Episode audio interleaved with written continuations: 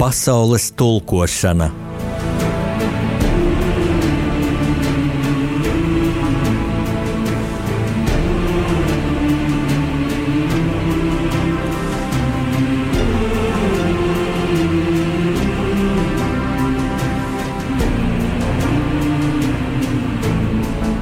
Studijā rakstnieks Jānis Udris.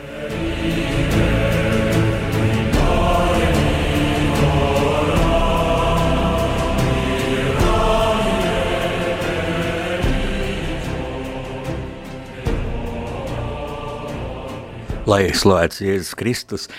Mīļie klausītāji, es skatos pulkstenī, nepilnas septiņas stundas vairs atlikušas šajā 2020. gadā. Nākamreiz mēs tiksimies jau jaunajā 2021. gadā. Šis raidījums ir īpašs, un es teiktu, arī studijas viesņa, mana rakstnieka pārunu stundā ir īpaša. Tā ir Eiropas parlamenta deputāte Inese Vaidere. Labvakar, Inese, vēl vecajā aizejošajā gadā. Labvakar! Uh, Inese, mm, nu, es negribu nodarboties ar minēšanu, bet gandrīz vai esmu pārliecināts, ja tā jautāt, par ko šobrīd domā, un droši vien tu atceries, kāds bija šis gads, jau kaut kādus zīmīgus brīžus. Ja tas ir tā, vai arī ja tas tā nebūtu, bet kā tu vērtē aizvadāmo gadu? Vispirms es gribētu tiešām pateikt sirsnīgi paldies par to, ka tu man uzaicināji, ka es varu būt šeit tādā nu, ļoti nozīmīgā dienā, jo tomēr tā ir pēdējā vecā gada diena, un patiešām šis gads ir bijis īpašs. Varbūt tas nav bijis īpašs pasaules vēstures skatījumā, bet katrā ziņā mūsu relatīvi īsās vēstures skatījumā tas ir noteikti ļoti, ļoti īpašs. Protams, ka es atceros un domāju, kāds ir šis gads, un atceros šī gada sākumu, nu, kā parasti, ļoti darbīgu. Eiropas parlaments. Tas nozīmē katru nedēļu vismaz divi lidojumi uz Briseli, atpakaļ uz Rīgu. Bez tam vēl, ja ir vēlēšanu novērošanas vai konferences, tad vēl papildus lidojumi. Mazākais lidojuma skaits man ir divi nedēļā bijis, bet nu jau praktiski 20 gadus un 16 gadus Eiropas parlamentā. Nu, lielākais uh, lidojumu skaits ir bijis deviņi vienā nedēļā. Tātad es lidoju bieži vien tā kā stjuartes, un arī tas, ka es tā kādreiz domāju, nu, viens liels notikums cilvēkam Latvijā nedēļā, nu tad tas jau ir daudz, bet man ļoti bieži ir tā, ka trīs nozīmīgi lieli notikumi ir vienā dienā kāda nozīmīga sēde vai kāda, teiksim, grāmatas atvēršana vai tikšanās ar cilvēkiem, un tu kādreiz nevari izvēlēties, kam dot priekšroku un ko darīt. Tāds bija šī gada sākums. Var teikt, kā parasti. Nu, un tad nāk marts. Nāk marts, un eh, gaisā virmo jau kaut kas tāds, ka, nu, laikam eh, varētu būt kaut kādas pārmaiņas, bet arī Pirms tam jāsaka, ka brīži likās, nu, ir pat raktas skrējiens. Cilvēki brauc, skrien, iet, ēd un, un met laukā un piesārņo pasauli un, un lidinās dažkārt bezjēdzīgi, nemaz m, varbūt, nu, ir taču ļoti zināms, ka cilvēki pat atvaļinājumā bieži braukuši teiksim, vasaras vidū, kur nekur nav skaistāk kā Latvijā, brauc nes kāpēc uz Turciju 50 gadu grādos, brauc uz Grieķiju, lai karsētos 50 grādos. Nu, likās tas viss tā kā, tā kā pa daudz, un tad, kā jau es teicu, šis marta sākums, atceros 9. martu, mēs dodamies uz Briseli, jo tur ir uh, paredzēta sesija, un, un, un komiteju sēdes, un grupu sēdes, un arī plenāra sesija, bet jau pirmdienas vakarā, jau pirms lidojuma, nu tā dīvaina sajūtas, nu, ka varētu būt kaut kas atcelts, pārcelts, jā, un nolaižamies Briselē pirmdienas vakarā ap pulksten pēc sešiem, un jau zvana mani palīgi, ka visas sēdes tiek atceltas. Nu, protams, ka es aizbraucu uz Briseles biroju sakārtot uh, mantiņas un, un um, visi deputāti, atskaitot tie, kuri vai nu ir nopirkuši dzīvokli Briselē vai īrē dzīvokli Briselē, nu tie varbūt palika, un no, cik es zinu, no Latvijas viens deputāts tikai ir palicis Briselē. Nu, mēs devāmies uz savām mājām, un var teikt, ka kopš tā laika Es arī Briselē īsti neesmu bijusi. Jūlijā vidū, kad eh, izskatījās, ka varbūt pandēmiju būsim daudz maz pārdzīvojuši, katrā ziņā ierobežojumi nekādi lielie nebija nedz Latvijā, nedz arī Beļģijā. Tad es divas nedēļas es aizbraucu uz darbu Briselē, bet tur arī daļēji viss notika attālināti. Nu un sākās šis attālinātais darbs. Kā tas praktiski notiek? Jo taču parlaments strādā, tiek pieņemti ļoti nozīmīgi lēmumi. Ja? Jā, sakarā ar Anglijas Nu, budžets, budžets bija viss šī gada. Kā jūs to varat? Jā, es pastāstīšu.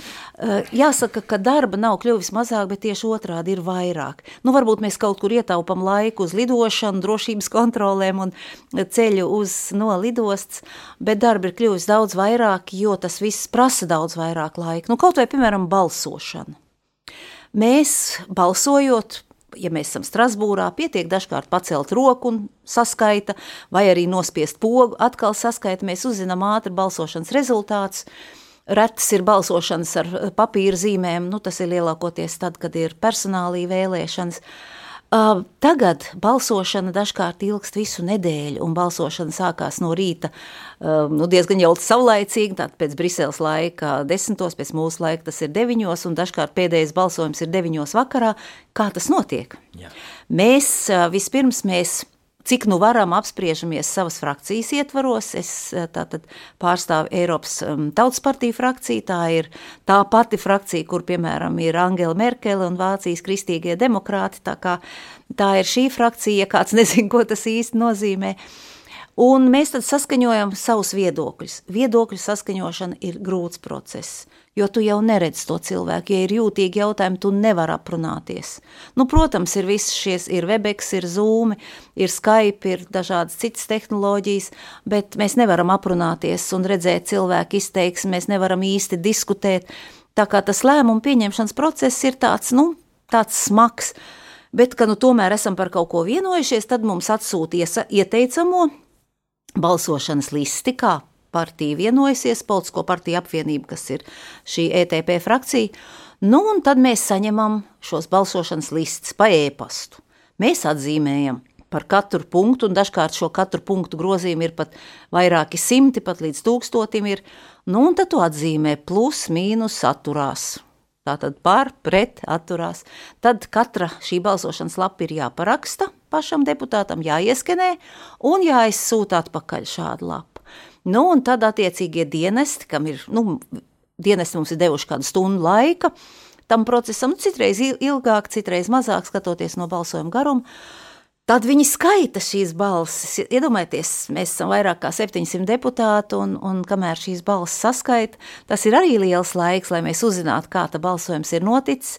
Nu, un tad pēc tam dienas vidū ir vēl balsojums, un vakarā vēl balsojums. Nu, process ir tāds ļoti, ļoti smagnējs, grūts. Un jāsaka, tomēr mēs arī sazvanāmies kādreiz ar nu, tiem deputātiem. Man ir ļoti labi deputāti, draugi, piemēram, kaut vai gan Vācijā, Bavārijā, piemēram. Un, un visi kā viens saka, vai kā gribētos satikties un apkampties un, un, un, un parunāties, bet tas nav iespējams. Un tas ir tas, kas visiem pietrūkst, gan šī sirsnība, gan arī, protams, diskusijas. Man viens no maniem Eiropas parlamenta kolēģiem teica, ne, ka viss jau notiek un viss strādājam kā parasti un, un ka nav aizkulišu saruna, bet nav vispār nekādu sarunu. Un tas ir ļoti slikti. Ilgi tā strādāt nevar, bet tas nenozīmē, ka mēs nevarētu būt pieņēmuši daudz svarīgus jautājumus. Mēs šajā laikā esam akceptējuši gan daudzgadu budžetu, gan arī izveidojuši ekonomikas atjaunošanas fondu, un es esmu ļoti gandarīta, ka arī mans pirksts, ja tā varētu teikt, ir bijis turklāt, ka Latvija saņems dāvinājumos apmēram 10 miljārdus Tas tā ir milzīga summa, ko Latvija saņems, un to mēs varēsim izlietot gan lai mūsu ekonomiku atdzīvinātu, gan lai veselības aizsardzības sistēmu stiprinātu, gan lai arī cilvēkiem palīdzētu. Nu, tas ir tāds milzīgs gandarījums, bet katrā ziņā darba ir kļuvis daudz vairāk. Jūlija vidū mums bija tāda neliela atelpa. Es aizbraucu divas nedēļas arī uz Briseli, kā es teicu, Uh, bet pēc pārtraukuma, kas mums ir sēžu pārtraukums no jūlija beigām līdz augusta beigām, pēc tam jau vairs neatsākās šis klātienes darbs nekādā formātā, un mēs strādājam tikai un vienīgi attālināti. Nu, tie mūsu palīgi, kas ir Briselē, un tas viens deputāts no Latvijas, kas ir Briselē, tie, protams, darbojas no turienes, bet absolūti lielākā deputāta daļa strādā no savām mājām, un tiem, ka mājas ir viņu mītnes zemēs, viņu dzimtenē, tā kā man, man nekad nav bijušas citas mājas, es nekad neesmu dzīvojis Briselē, šos, šis man jau ir ceturtais sasaukums.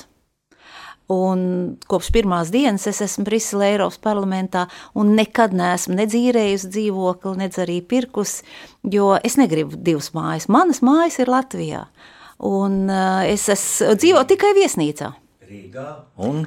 Jā, es dzīvoju Rīgā, un? bet uh, mēs savulaik ar vīru jau pirms vairāk kā desmit gadiem uh, kopu spēkiem uzcēlām arī māju pie pašas jūras, kādā zvejnieku ciemā. Uh, Un tas tā ir mana tā mazā paradīze. Tā bija mūsu mazā paradīze kopā ar vīru mājām, kas ir Latgalē, kas ir laukos brīnums skaistā vietā pie Dubnas upes. Nu, ūdenim ir jābūt. Es esmu dzimusi Jelgavā un kā jau tu zini, Jelgavā ir pie Lielupe un Iecava un tur ir, ir kur izvērst vircava, jā.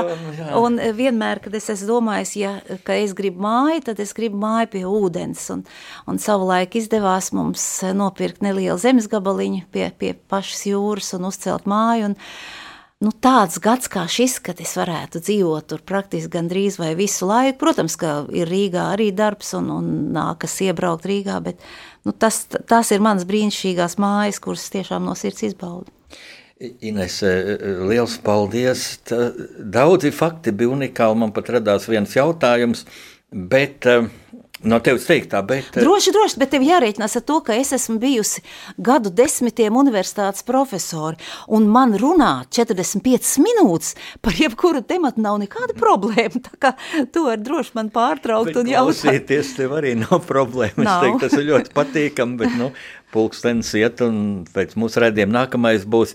Tagad es gribētu uh, pieteikt muzikālu pauzi, kurā skanēs uh, Ines Vaideres izraudzīt muziku. Bet, Ines, tici man, ja es tev šo jautājumu neuzdošu, tas arī klausītājiem prātā, tu teici, Tas viens deputāts, kas sēž Briselē, vai tu vari viņa vārdu nosaukt, vai tas ir kāds noslēpums deputātiem? Kas... Es varbūt nenosaukšu viņa vārdu, bet šo deputātu visi zina. Uh, viņš ir deputāts, kas ir uh, desmit gadus uh, bijis Rīgas pašā galvgalē, vadījis Rīgas domu, un man liekas, ka mēs varam pateikties pēdiņās viņam par to, kāda Rīga ir šobrīd. Un man tiešām jau pēdējos gados bija pat tāda depresīva noskaņa, ka es redzu, ka Rīga nevis pamazām aug par tādu skaistu Eiropas uh, pilsētu, bet arvien vairāk tuvojās tādam, nu, es nezinu, sāģes līmenim, ja tā varētu teikt. Man par to bija ļoti skumji, un es ļoti ceru, ka tagad lietas mainīsies.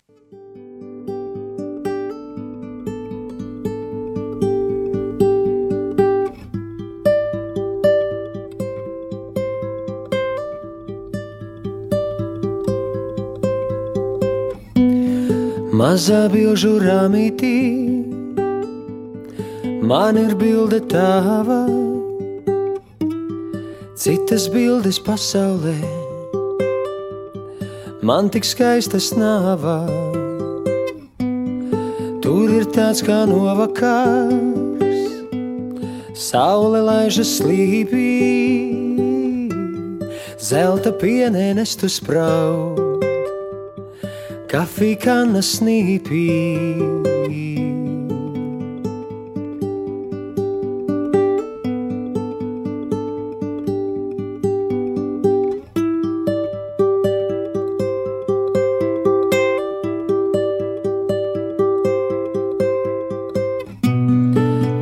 zelta esi man, es esmu no vārā,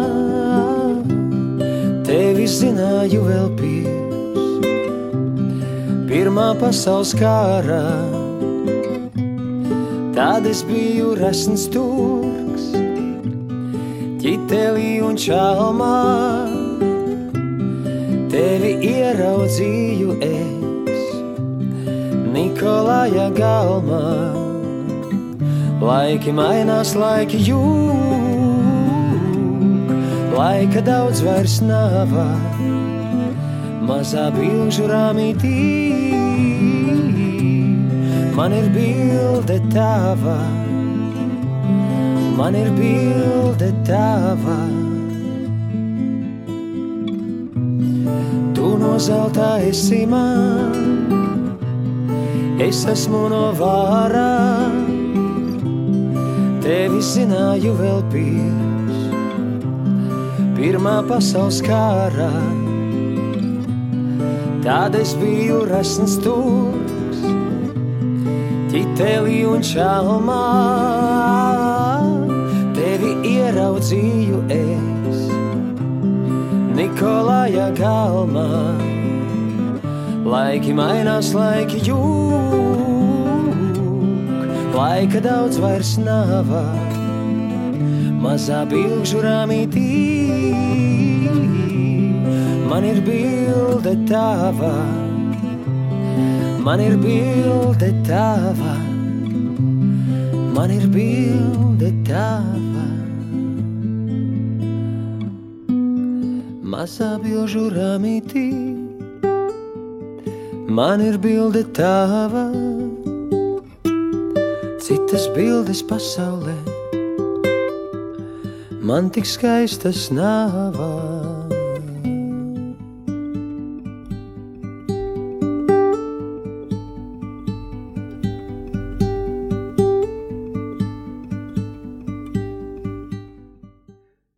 Šeit rādījumā arī Latvijas skan rakstnieku pārunu stunda un uh, mana studijas viešņa. Mm, šodien, šajā gada beidzamajā raidījumā, ir Eiropas parlamenta deputāte Inese Vaidere. Inese, tu ļoti mm, uzskatāmi pastāstīja, kā norit ļoti intensīvs darbs šajā pandēmijas laikā. Jūs strādājat katrs no savas valsts, no savas mājas, man māja, mans cietoksnis, un tad aizstāvat Latvijas intereses. Un, un, un tu jau nosauc vienu, vienu skaitli, kur nu es gribu atkārtot, desmit miljārdus eiro. Tātad Latvija saņems, ja, pateicoties arī tavai mm, aktivitātei. Un man tā vērojot mūsu politiķus, ja, man gribas teikt, ka tu esi ļoti pragmātisks, varbūt tāpēc, ka esi pēc izglītības ekonomiste, un, un faktiski tev darbi ir laikam vairāk kā vārdi. Protams, lai tie darbi dot rezultātu, tev vajag dot argumentāciju tā, bet tu vienmēr ļoti konkrēti runā. Tagad es tev lūgtu no šādām pozīcijām, lūk, atbildēt uz šādu jautājumu, kā šis gads izskatās nu, tomēr no Briseles pozīcijām. Ja iztēloties to Briselē, vai tā māja ir tāda maza Briseles kabinetiņš, ja, jo tu, tu tur dod savu viedokli, savas prasības, savus vērtējumus, ja, sūti elektroniski. Mm, tā tad kā izskatās, jo nu, ir ļoti dažādi vērtējumi, ļoti daudz ir pesimistiski, nu, netrūks jau arī pamata tam, ja Un pat bez visas pandēmijas, bez visas koronavīrusa, nu, man šis gads ar sākās vairāk, zaudējot vairākus draugus, izcils patriotus, akadēmiķus, bijušos deputātus, vēl augstākās padomas patriotiskā mūsu parlamenta deputāta Evar Bērķi un tādas, ko gribētos šajā vecgadu vakarā pieminēt, nu viss nenosauksim, bet kopumā šie procesi, šie procesi, nu, vai tas ir vienkārši sarežģīts skumji, vai tas ir traģiski, briesmīgi, vai tas ir. Nu, lūk, un kādi mēs šajos procesos tev izskatāmies?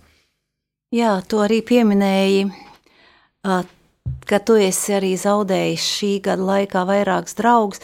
Es varbūt mazliet atcaucoties uz to melodiju, ko mēs nu pat dzirdējām uz, uz šo dziesmu. Vairāk kā pirms četriem gadiem mūžībā aizgāja mans vīrs, izcilais sporta žurnālists Artūrs Vaiders. Un kāpēc šī dziesma? Šī dziesma tāpēc, ka nu, nemaz jau tik pragmatiska es arī varbūt nesu, bet jo mēs bijām kopā gandrīz 40 gadus, un es atceros, ka vienu reizi, kad es viņam piezvanīju no Strasbūras, ka balss atskanēja Artūra balss, un viņš man citēja šo dziesmu mazā bilžu rāmītī, man ir bilde tava. Un es ļoti, ļoti labi atceros, domāju, cik tas bija mīļi un, un, un jauki. Un šī ir viena no manām mīļākajām dziesmām. Un skaidrs, ka tie cilvēki, kas ir bijuši tik nozīmīgi mums tik ilgus gadus, nekur arī nepazūd. Viņi ir visu laiku ar mums.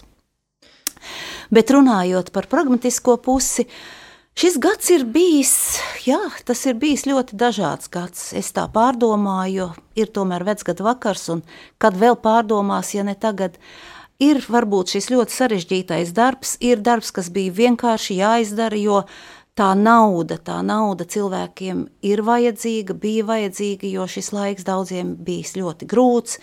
Daudz cilvēku ir zaudējuši savu darbu. Es vienmēr tā domāju, ir jau labi būt vai, vai deputātam, vai ierēdnim, vai tādam jebkuras citas profesijas pārstāvjiem, kur nauda nāk no valsts budžeta, un tā nauda nāk, kā mēs strādājam, tā ir katra jau sirdsapziņas lieta. Bet mazie uzņēmēji, uzņēmēji dažādos līmeņos, kuriem pašiem ir jānopelna gan nauda, ar ko izdzīvot, gan arī nauda, ko nomaksāt nodokļos.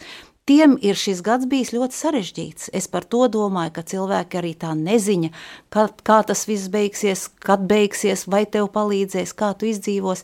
Tas ir bijis tā varbūt tā drūmā puse. Arī tas, ka, piemēram, ka masu informācijas līdzekļos tā, tāda biedējoša atmosfēra ir radīta, ka cilvēki ir ārkārtīgi pārbījušies, jo slimības ir, bija un noteikti būs. Un šī slimība nu, ir nopietna un, un milzīgā mērogā visā pasaulē, bet man liekas, kā jebkura slimība tā ir jāuztver nu, kaut kā tā, nu, kā jau slimība. Nu, tas nav nekas patīkams, bet bez tādas milzīgas histērijas un baiļu atmosfēras. Tās ir varbūt tās, saka, tās sliktās puses, un daudziem cilvēkiem tas ir bijis nomācoši un Un, un arī varbūt tā, teiksim, tas psiholoģiskais stāvoklis varētu atsaukties arī uz veselību, kur varētu var, varbūt arī nemaz nepasliktināties. Arī, nu jā, bet varbūt par to mazliet vēlāk. Bet ir bijis arī daudz laba. Nu, piemēram, man personīgi, ka es jau kopš marta varēju attālināt strādāt, lūk, brīnišķīgi pie dabas, savā mājā pie jūras, un katru rītu priecāties, paldies Dievam, ka man tas ir, ka es varu baudīt šo sauli vai vēju vai jūru, vai nu kādi tie laika apstākļi būtu, un vakarā mm, vērot saulrietu un parušināties savā dārziņā. Man ļoti patīk ravēt, man ir mazs dārziņš, kurā ir nu, kurā ir garš vieliņas un pa kādam kartupelītim vai gurķītim, nu tas tā paša patēriņā. Man pēdējos uh, eh, 20 gados nekad nav bijis tā, ka es varētu vērot visus gada laikus tikai Latvijā. Vienmēr bijis šī lidošana, braukšana, un pat kādreiz tā, ka tu nesaproti, kāds klimats ir, kāds ir laiks, jo no rīta tu esi Rīgā, vakarā tu jau varbūt esi Ņujorkā vai Singapūrā, un, un tas laiks mazliet sajūg. Un tas, tas ir arī tas labais, ka tu tā vari novērtēt tās īstās, svarīgās lietas un arī padomāt. Daudz bija sašutuši, ka Ziemassvētkos nevar nopirkt to, vai kāpēc var pirkt to un kāpēc nevar pirkt to, bet cik labi bija tie klusie Ziemassvētki, cik labi, ka varēja satikties laukā, aiziet pārgājienā, pa mēžu izstaigāties un tā visu gadu maksimāli uzturēties svaigā gaisā. Tāda dīvains uzstādījums bija pavasarī, sēdiet mājās, paliec mājās, paliec mājās. Nu, nu mājās nedrīkstēja palikt, bija jāiet svaigā gaisā. Protams, ka nevajadzēja tikties ar cilvēkiem un rīkot ballītes, bet svaigā gaisā bija jāiet no pirmās dienas. Es atceros, martā, aprīlī pa Rīgu, kad es staigāju pa parkiem, es biju tā kā kosmosā, es biju gandrīz vai viena pat uz visu parku. Cilvēki pārbījušies, sēdēja mājās, lai gan svaigs gaiss ir tas, kas cilvēkam vienmēr ir vajadzīgs, lai stiprinātu šo imūnsistēmu. Man rada gandarījumu tas, ka es varu izskrieties gar jūru katru dienu un izvingroties un ar pilnu krūti ieelpot šo gaisu. Vai tu arī peldi tagad ziemā, jo es zinu, ka tu ļoti tā, nu, Reklamē nevarētu teikt, bet tā, tā jūsmīgi rakstīja, cik brīnišķīgs ir augstais ūdens. Nu, savas bildes ar micītēm es jā, nepublicēju, jo micītes nekad neliek galvā, bet, nu jā, es savu peldsezonu nepārtraucu. Uh, vienīgi tad, ja jūra aizsalst. Nu, ledu es tomēr neskrienu jūrā, nē, bet, uh, bet nu, tagad jau rets tas, tas notikums, kad jūra aizsalst.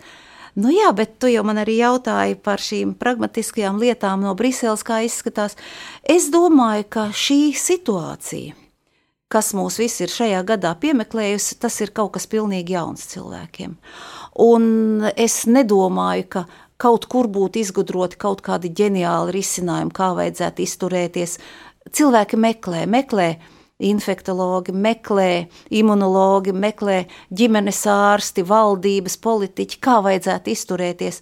Nu, mans secinājums ir tas, ka jāpielieto veselais saprāts, un secinājums ir arī tas, ka neko daudz par šo vīrusu, par tā daba, par tā darbības sekām neviens īsti nezina. Arī tie, kas izliekas, ka zina. Nu, nezinu, bet uzzinās ar vien vairāk, un, un gan jau kaut kā mēs no šīs situācijas izkļūsim. Bet veselais saprāts ir ārkārtīgi vajadzīgs. Un eh, no Briseles skatoties, eh, ka Latvijā, manuprāt, nu, lietas rit vairāk vai mazāk tāpat kā visur. Es domāju, pat varbūt labāk nekā visur, jo, jo latvieši ir disciplinēta tauta. Mēs eh, ievērojam noteikumus un skaits, jo mēs mazāk tiekamies, jo mazāk ir varbūt inficēto cilvēku, bet Latvijā ir arī dažādi cilvēki. Un tāpēc arī varbūt šis lielais uh, lēciens un infekciju pieaugums. Es vaicāju veselības ministrē, vai ir tāda statistika, kas tad ir tie, kas nonāk slimnīcās. Bet, cik es sapratu, tādas statistikas īsti nav.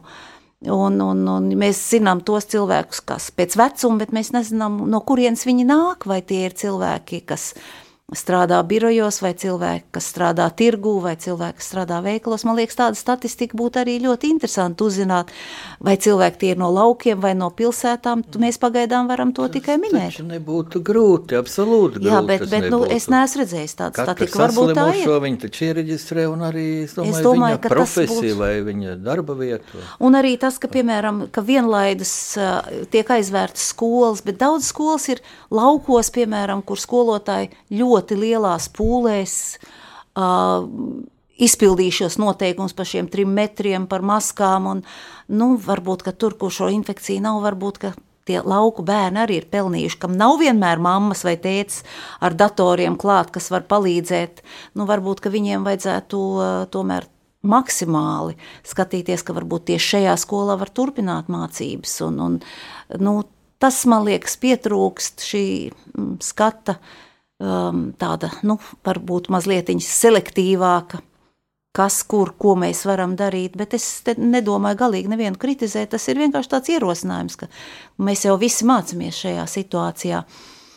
Jā, nu, kas, ko Brisele labi izdarīja, to es arī varu pateikt, tie ir šie uh, miljardi, kas tiks kopīgi aizņemti pasaules finanšu tirgos uz ļoti labiem nosacījumiem, bet tā kā mēs esam valsts, kura saņem, nevis kura maksā, mēs par katru savu iemaksāto Eiropas Savienības budžetā eiro saņemam 3,6 vismaz atpakaļ. Tā kā mums arī šis dāvinājums 10 miljardi, tas būs tieši dāvinājums. Nu, un, nu, ja mēs nebūtu Eiropas Savienībā, kurš tad mums kaut ko dāvinātu? Tā kā šī ir arī tāda pateicības sajūta, ka uh, Paldies Dievam, ka mēs esam tur, kur mēs esam kopš 2004. gada, jo citādi jau mums neviens neko nepalīdzētu. Un nelielai valstī, kāda mēs esam, dažkārt visas problēmas risināt vieniem būtu ārkārtīgi grūti. Nu, tā ir tāda mana, mans skatījums, var teikt, skatījums no Briseles, un es jūtu to palīdzību, es jūtu arī solidaritāti. No sākuma, protams, katra valsts bija izbijusies un slēdz robežas. Nu, skait, nu, tas ir pirmais šoks, un to var saprast. Bet pēc tam jau bija tā savs savstarpējā sapratne, un tagad mēs varam vienoties jau daudz vieglāk par daudziem tā kopīgi risinājumiem jautājumiem. Jā, tu minēji, ka nu, mēs soli pa solim to iepazīsim. Man liekas, tas ir viens no tādiem maziem nu, diezgan nozīmīgs pozitīvais vektors šajā nu, nu, protams, nu, nelaimē. Ja tomēr šī pandēmija ir nelaime planētai. Un Es pat teiktu, varbūt drusku pateicis, ka domāju, arī Dieva sots tomēr par to bezatbildību, kā cilvēki pieiet. Es tev pilnīgi piekrītu. To es arī mēģināju teikt, jā. Jā, ka šī nenormālā, nevajadzīgā lidošana, šis ļoti izšķērdīgais resursu patēriņš, kaut vai šie plastmasas izstrādājumi, ko mēs, paldies Dievam, arī jāsaka, Eiropas parlamentā arī pamanījāmies visai se sekmīgi ierobežot un arī nākotnē. Tas tiešām likās, ka cilvēki ir, nu, varbūt es varu lietot eh, to, to teicienu, ka tiešām tā kā liekas tā kā aptrakuši, un tiešām tā kā kādreiz arī saka skrien kā uz pasaules galu, un man liekas, ka jā, ka mums Dievs lika apstāties, mums lika apstāties, padomāt, kā jau es teicu par šīm vērtībām, par to, kā mēs izturamies pret dabu, kā mēs izturamies viens pret otru, nu, un tur es domāju, ka šī, šī nelaime ir nesus kā jau vienmēr katrā nelaimē ir arī kaut kāds gaismas stariņš, un gaismas stariņš ir tas, ka mēs esam apstājušies, ka,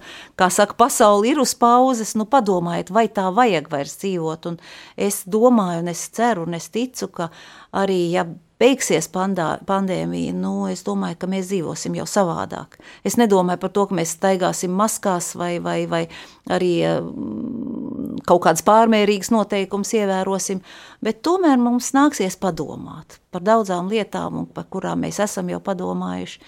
Un tā kā tas, šis laiks no tāda viedokļa atkal, protams, ir tāds uh, pozitīvs laiks. Jā, man... Un eju izsver, kurš ir, nu, protams, kā saka, slimības un nāvis un aiziešana, tas jau nekad nekas priecīgs nav, protams.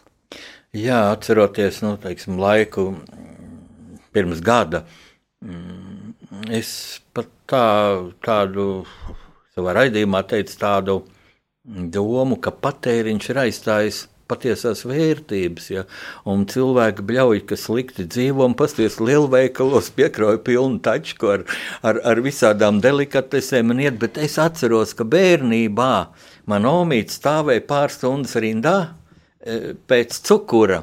Un tā kā nāca tā rinda klāt, mēs tur puikas uz kalniņa slidinājāmies. Tad mēs visi skrējām, pieskrējām klāt, jo katram pa tūtiņai deva, ja, un tas jau bija nu, reizi nedēļā vai mēnesī reizi. Ja. Tu jau atceries savu bērnību, bet jā, es vēl atceros savu bērnu bērnību, un tas bija Eh, tas bija 80. gados, kad bija pat maize veda limitēta, un es atceros... Kruščau laika, bet jā. tik, tik sens laiks neatceros. Mazās bulceņas skolā Nē, nē, es atceros bērniem. 80. gadus Vēl savu bērnu arī, bērnību. Jā. jā, stāvēja rindā, un atceros Latgalē tas mazs veikaliņš netālu no man vīra mājām, un tur arī gājām, stāvējām rindā, un tur tāds mazs eh, puisītis, un, un viņš nāk un parasti deva tos divus kukulīšus, arī tieši tā gāja viss, lai varētu paņemt vairāk, un viņš nāk ar vienu kukulītu, viņam prasa, nu kāpēc tā tikai vienu, un viņš tā tādā jaukā latgaliešu valodā pasaka, kam moš maizis?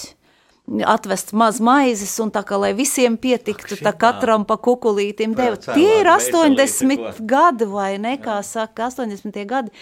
To jau cilvēki tagad neatcerās, kā bija tad, kad ieeja veikalā, un tur ir nikna pārdevēja aiz letes, un lete pilnīgi tukšs veikals, un mazs peķa gabaliņš stūrītī, un ja tu prasi kaut ko pārdevēju, tad tev parasti mm, uzbrēc svešā valodā, un tā tas bija.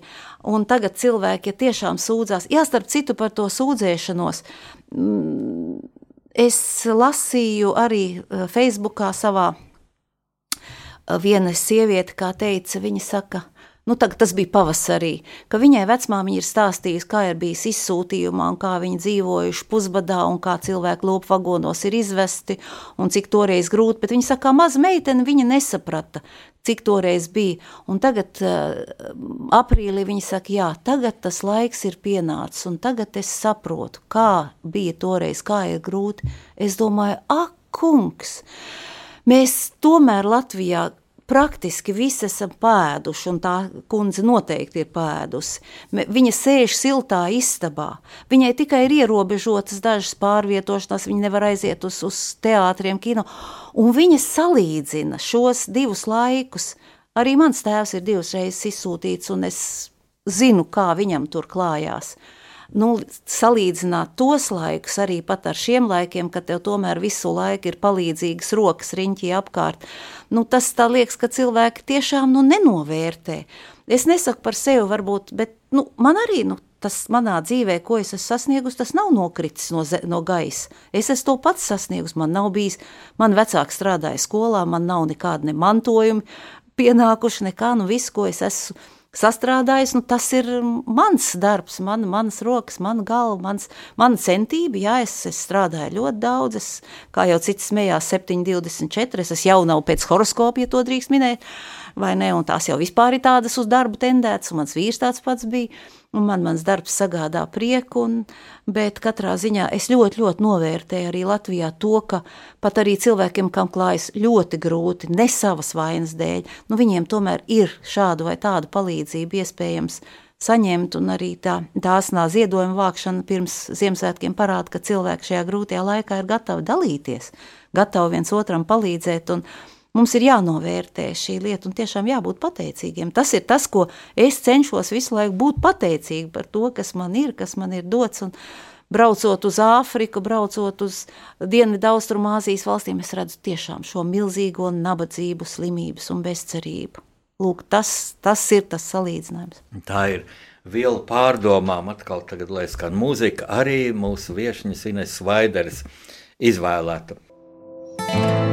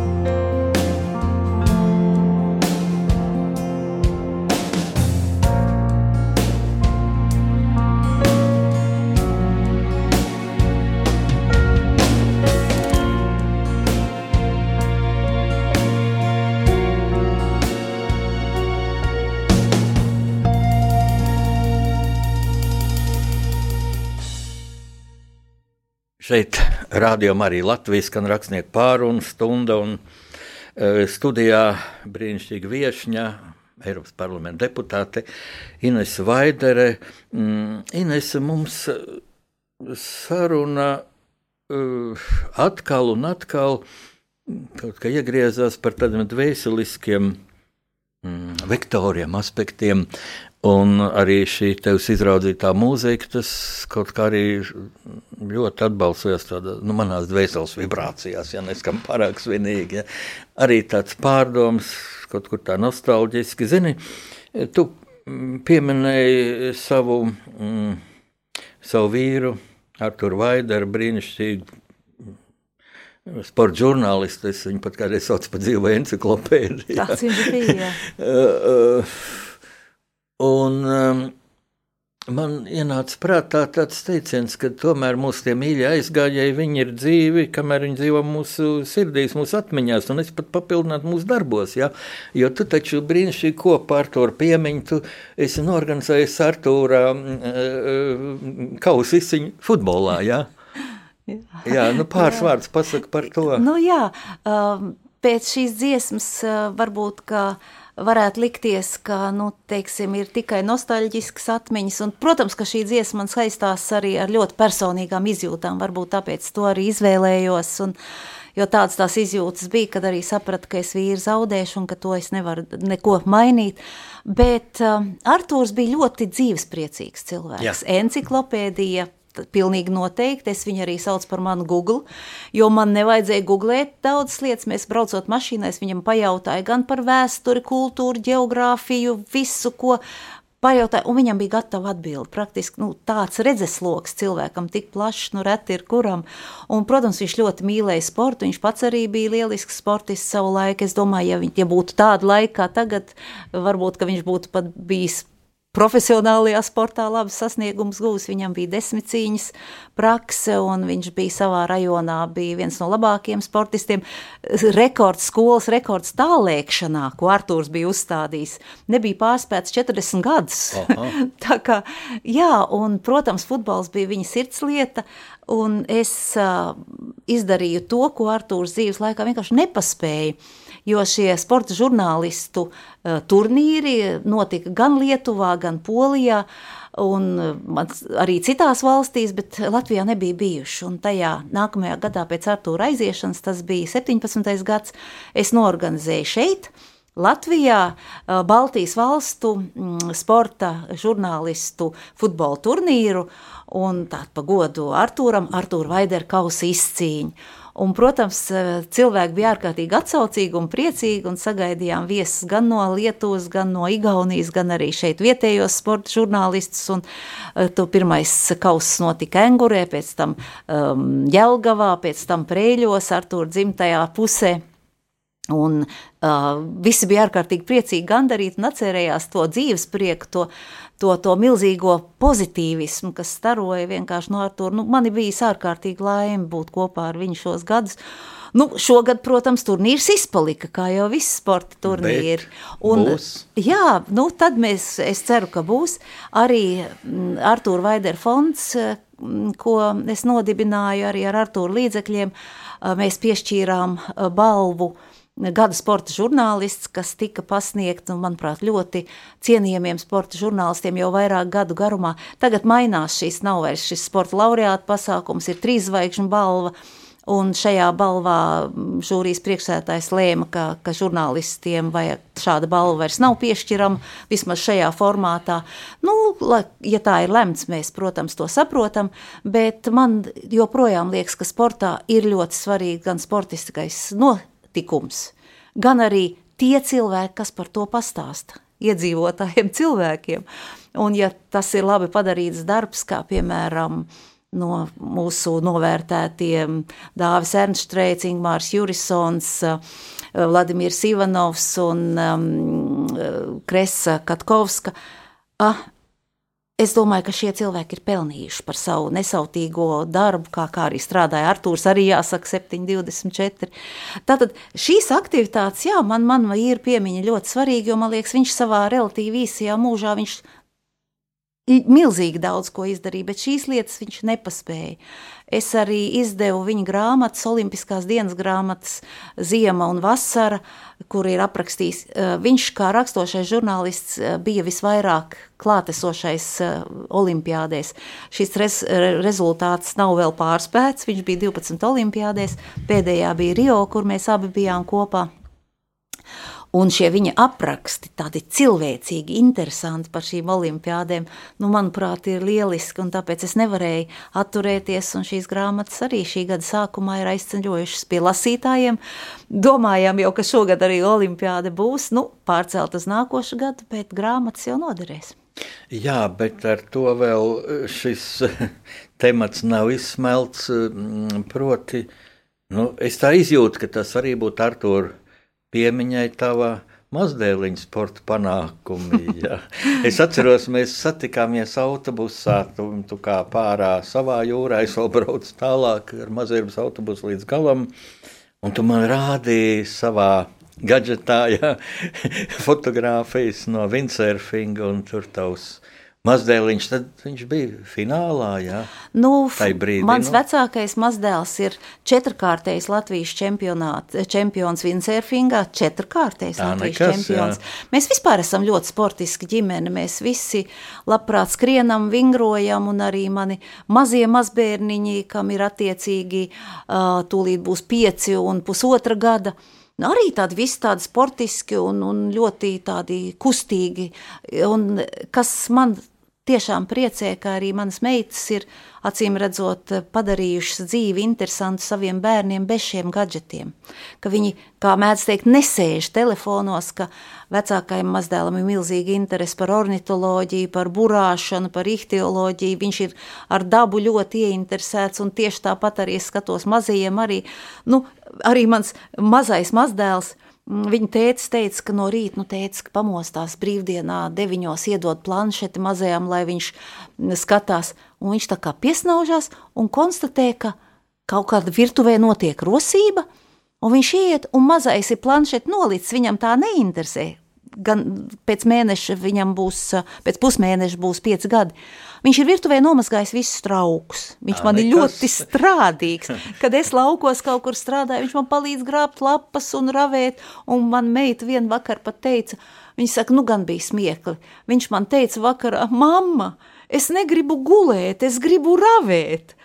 Man tas tā patīk, ka tie mazie ir tādi, nu, e, labā nozīmē dabas bērni, kam interesē visas tādas norises, bet kas nesēž telefonos un kaut nu tā arī palikt. Kas tas būtu audzināšana ļoti pareizi vai gēni? Gan, gan, gan, gan, gan jā. noteikti, jā, gēni jau noteikti, nu kāds savādāk. Jo es arī ļoti maz laika pavadu telefonā, tikai tik daudz, cik ir darbā nepieciešams, un eh, kā jau politikā tas ir nepieciešams būt gan Facebookā, gan Twitterī, jo man ir jāinformē cilvēki arī savā mājaslapā par, par to, ko es daru, tā kā tas, tas ir tāda nepieciešamība. Bet man patīk, ka tas minimāli notiek, jo, jo ir vajadzīga tā dzīvā saskare, un ja jau cilvēki blakus istabās sāk sarakstīties ar zīmītēm, nevis satiekās, ja bērni nesatiekas viens ar otru spēlējot. Nu, šis gads ir specifisks, bet arī pirms tam tad tas tomēr vecākiem, ko es redzu, kā kastā iedod planšeti rokā, kā aiziet uz veikalu tā dēliņu, nu mēs nopirksim tev čipsīšus un koliņu, tāpat arī veselīgās ēšanas paradumu, ko mēs ģimenē augstu vērtējam.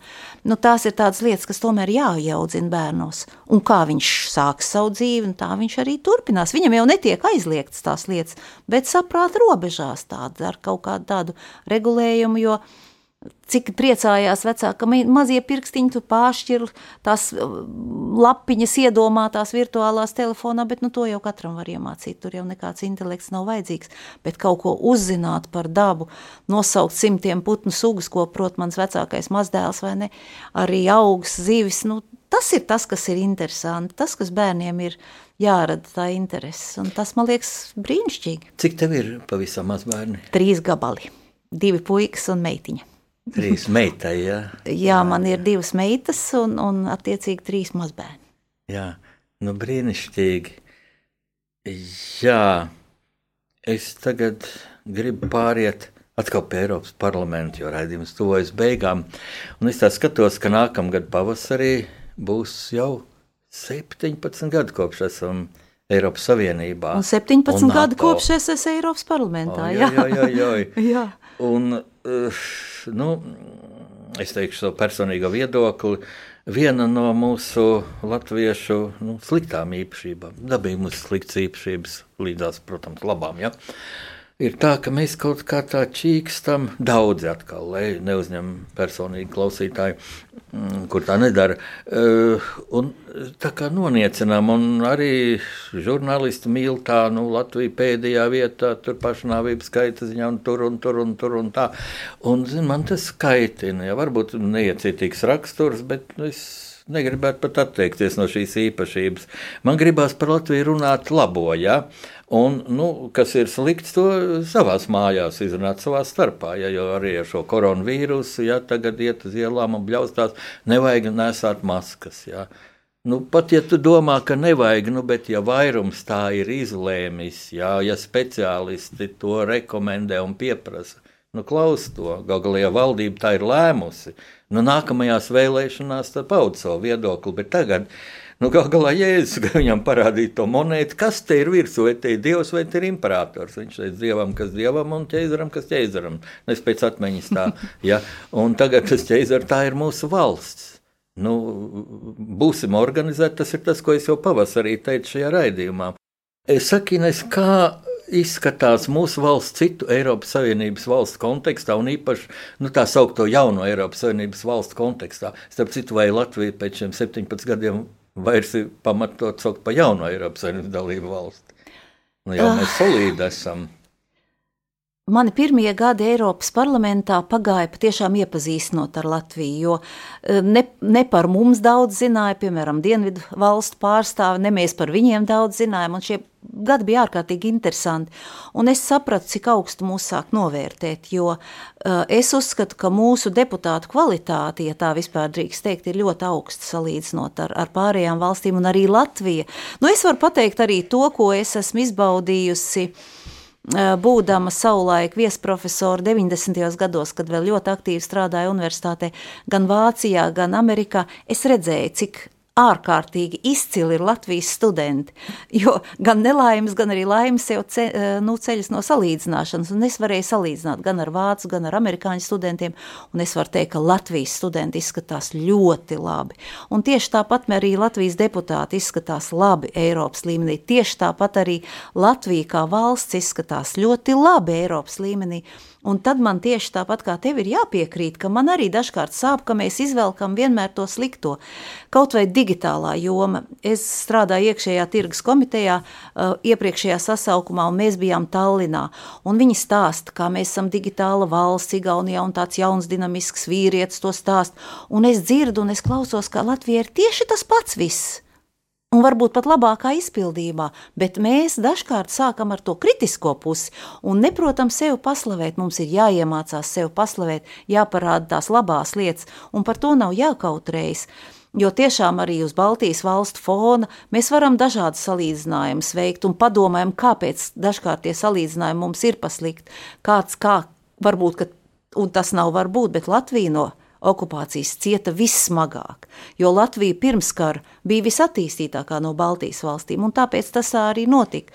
Arī pēc tam, nu, es uh, palīdzēju izdot grāmatu par PSRS militārismu nodarīto, uh, Baltijas valstīs, nu pat tā ieraudzīja dienas gaismu. Tur mēs redzam, kā Latvijā jau bija šis Baltijas kara apgabals, un šīs sekas arī nekur nav pazudušas padomājam par to, bet izceļam sevi, cik mēs tomēr esam forši latvieši un tiešām vienmēr to kritisko rakstīt. Nu, arī ziņās nu, nevajadzētu būt tikai sliktajām ziņām.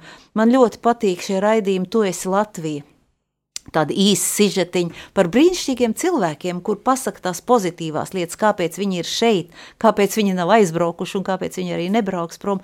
Nu, tās ir brīnišķīgas lietas, par tām ir, ir, ir jārunā, par tām ir jāstāsta, jo optimisma un tāda gaišuma jau nekad dzīvē nevar būt par daudz. Kā tu Raugies uz nākamo 21. gadu, nu, es redzu, ka optimistiski, bet e, nu, tev kā ekonomistei pēc izglītības arī varbūt ir kas labs, ko teikt. Tā pavisam pragmātiski nu, cilvēkiem, kas teiksim, ir bankrotējuši. Ah, bet viņiem varētu būt viena lieta, laba. Man kaut kā uzreiz acis priekšā daži uzņēmēji, kurus pazīst, kas gados jauni cilvēki. Viņu kapitāls taču ir jaunība, jā, viņiem ir laika rezerve. Jā, nu, nākošais gads nerādās, ka tas varētu būt ļoti viegls. Man, man, protams, nav tāda īpaša pārliecība, ka mēs tā ļoti ātri varētu tikt ar pandēmijas sekām galā, un, bet uh, ir jāiemācās arī šajos grūtajos apstākļos dzīvot un strādāt tik, cik tas ir iespējams. Es domāju, ka labā ziņa ir tā, ka mēs neesam atstāti vieni, ka mums ir šī palīdzība, ir palīdzība no Eiropas. Labā ziņa ir tā, ka Latvijas uzņēmējiem, cilvēkiem ir ļoti, ļoti radošs prāts. Un es ticu, ka mēs atradīsim gan savas nišas šajā jaunajā ekonomikā. Es pati ļoti iestājos par zaļo kursu tā ir moderna ekonomika. Tas nav tā, ka mēs uzreiz uh, dzīvotu pilnīgi brīvā dabā, zaļā valstī un staigātu visi pastāvās. Noteikti, ka nē, bet tas ir daudz taupīgāks resursu izlietojums. Tas ir moderna ekonomika, tā ir ekonomika, kurā mēs uh, visi redzam sevi un latviešu pielietojam to, ka mums ir patiešām spoži prāti, spoži prāti un čaklums. Un tās ir tās labās lietas, kas mums noteikti palīdzēs nākamgad tiksim cauri. Noteikti. Nu, es domāju, ka tas ir labākais noslēgums mūsu raidījumam. Mīļie klausītāji, rakstnieku pārunas stundas viesņa. Šodien brīnišķīgi viesņa, jāteic, bija Ines Vaidere, Eiropas parlamenta deputāte. Eh, Dārga Ines, eh, es tev vēlu Visi klausītāji vēlas, pilnīgi jūt viņa vibrācijas. E, nu, pirmkārt, saka lielu paldies par šo tādu ļoti dvēselisko sarunu. Un, un, un lai tev ir Zini, kā tas ir laimīgs jaunais gads? Nu, protams, laimīgs, lai te viņš ir, bet, bet, bet, bet, bet kaut kā konkrētāk. Pasaka to epitetu, kas man tad būtu jāmin. Veiksmīgs, nu, ja darbīgs. es drīkstu novēlēt, jā, es vispirms gribētu novēlēt patiešām siltu, mīļu, skaistu un arī priecīgu šo vecgadu vakaru, sagaidīt jauno gadu ar labu apņemšanos, ar labu garastāvokli, un jauno gadu es, protams, novēlu gan veselīgu, gan veiksmīgu, gan arī optimismu pilnu un arī, protams, darbīgu. Nu, veiksme, veiksme, veiksme, tas ir tas, ko es tiešām novēlu ikvienam Latvijas iedzīvotājam un arī pateicību, pateicību par to, kas mums ir. Tā bija Eiropas parlamenta deputāte Ines Vaidere, mīļie klausītāji, lai Dievs jūs svētī un sargā, lai Dievs svētī Latviju.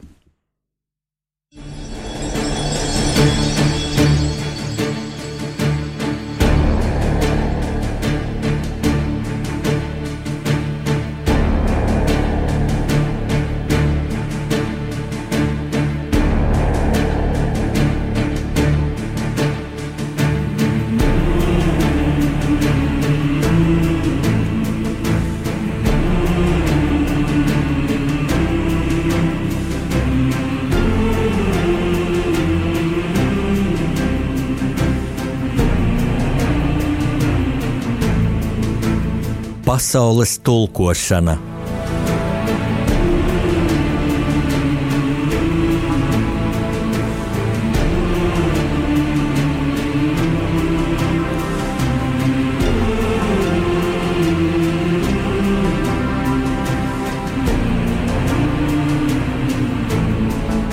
Studijā rakstnieks Jānis Udris.